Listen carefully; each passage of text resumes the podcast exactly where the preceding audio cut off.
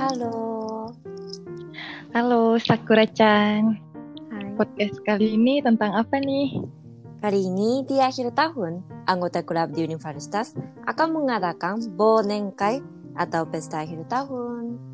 Oke, aku berperan menjadi pelajar dari Indonesia dan Sakura-chan atau Ayu-chan menjadi pelajar Jepang ya. Hai. Seperti apa perayaan Bonenkai di Jepang? Simak percakapan ini yuk. Oke, kita mulai yuk. みんな集まってきたね。忘年会楽しみだな。そうですね。ところで、忘年会ってどんな意味なんですか一年の苦労は今日で忘れましょうっていう会 だよ。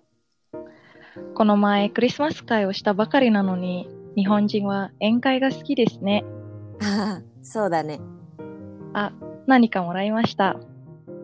未成年カードだって。首から下げるんですね。これは何のためですかお酒を飲めない人が誰か見分けるためだよ。なるほど。健全なサークルですね。リスマちゃんは何を飲む私はリンゴジュースにします。私はジンジャーエール。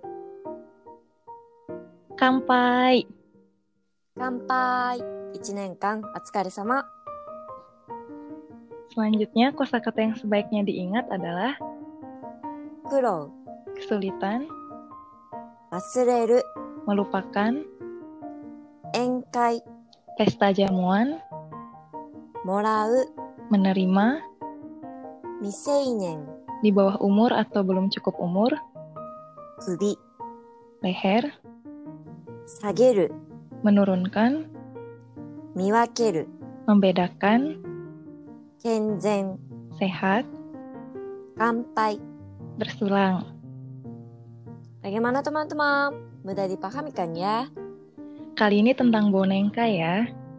Kalau di Jepang, ada banyak klub di universitas yang mengadakan bonenkai atau pesta akhir tahun ya. Iya, orang Jepang suka berkumpul untuk mengobrol dan minum bersama ya. Sehingga alkohol tentu menjadi salah satu bagian dari pesta akhir tahun. Hmm. Tapi di Jepang, semua orang baru diperbolehkan minum alkohol setelah berumur 20 tahun.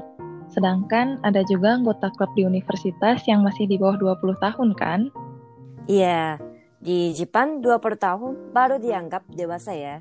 Tapi jangan khawatir karena tersedia pula berbagai pilihan soft drink agar semua anggota klub dapat berpartisipasi dengan senang dan nyaman.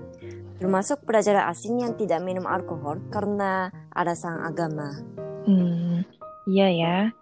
Orang Jepang pun meski rata-rata suka minum, sebenarnya ada juga yang nggak suka minum kan? Benar banget ya. Bagi yang tidak minum maupun yang tidak suka minum, jangan memas- memaksakan diri untuk ikut minum alkohol ya teman-teman. Mending pesan soft drink aja. Iya ya. Kan yang penting bisa ikut kumpul dan ngobrol bareng teman-teman di Jepang ya. Pasti seru Hmm. banget. Pasti dong. Oh iya, boneka itu gak selalu diadakan akhir Desember ya.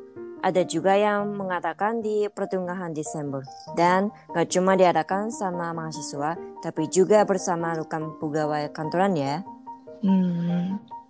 Akhir tahun seru ya. Habis Hmm. Christmas party ada bonengkai. Hmm. Mungkin kalau untuk mahasiswa ada juga cara pergi berlibur bersama dengan teman klub ya. Ada aja sih ya. Tapi saat menyambut tahun baru, yaitu malam tanggal 31 Desember, biasanya orang Jepang menghabiskan waktu bersama keluarga ya. Iya juga ya. Mungkin pelajar asing yang punya sahabat orang Jepang bisa tuh coba homestay di rumah temannya.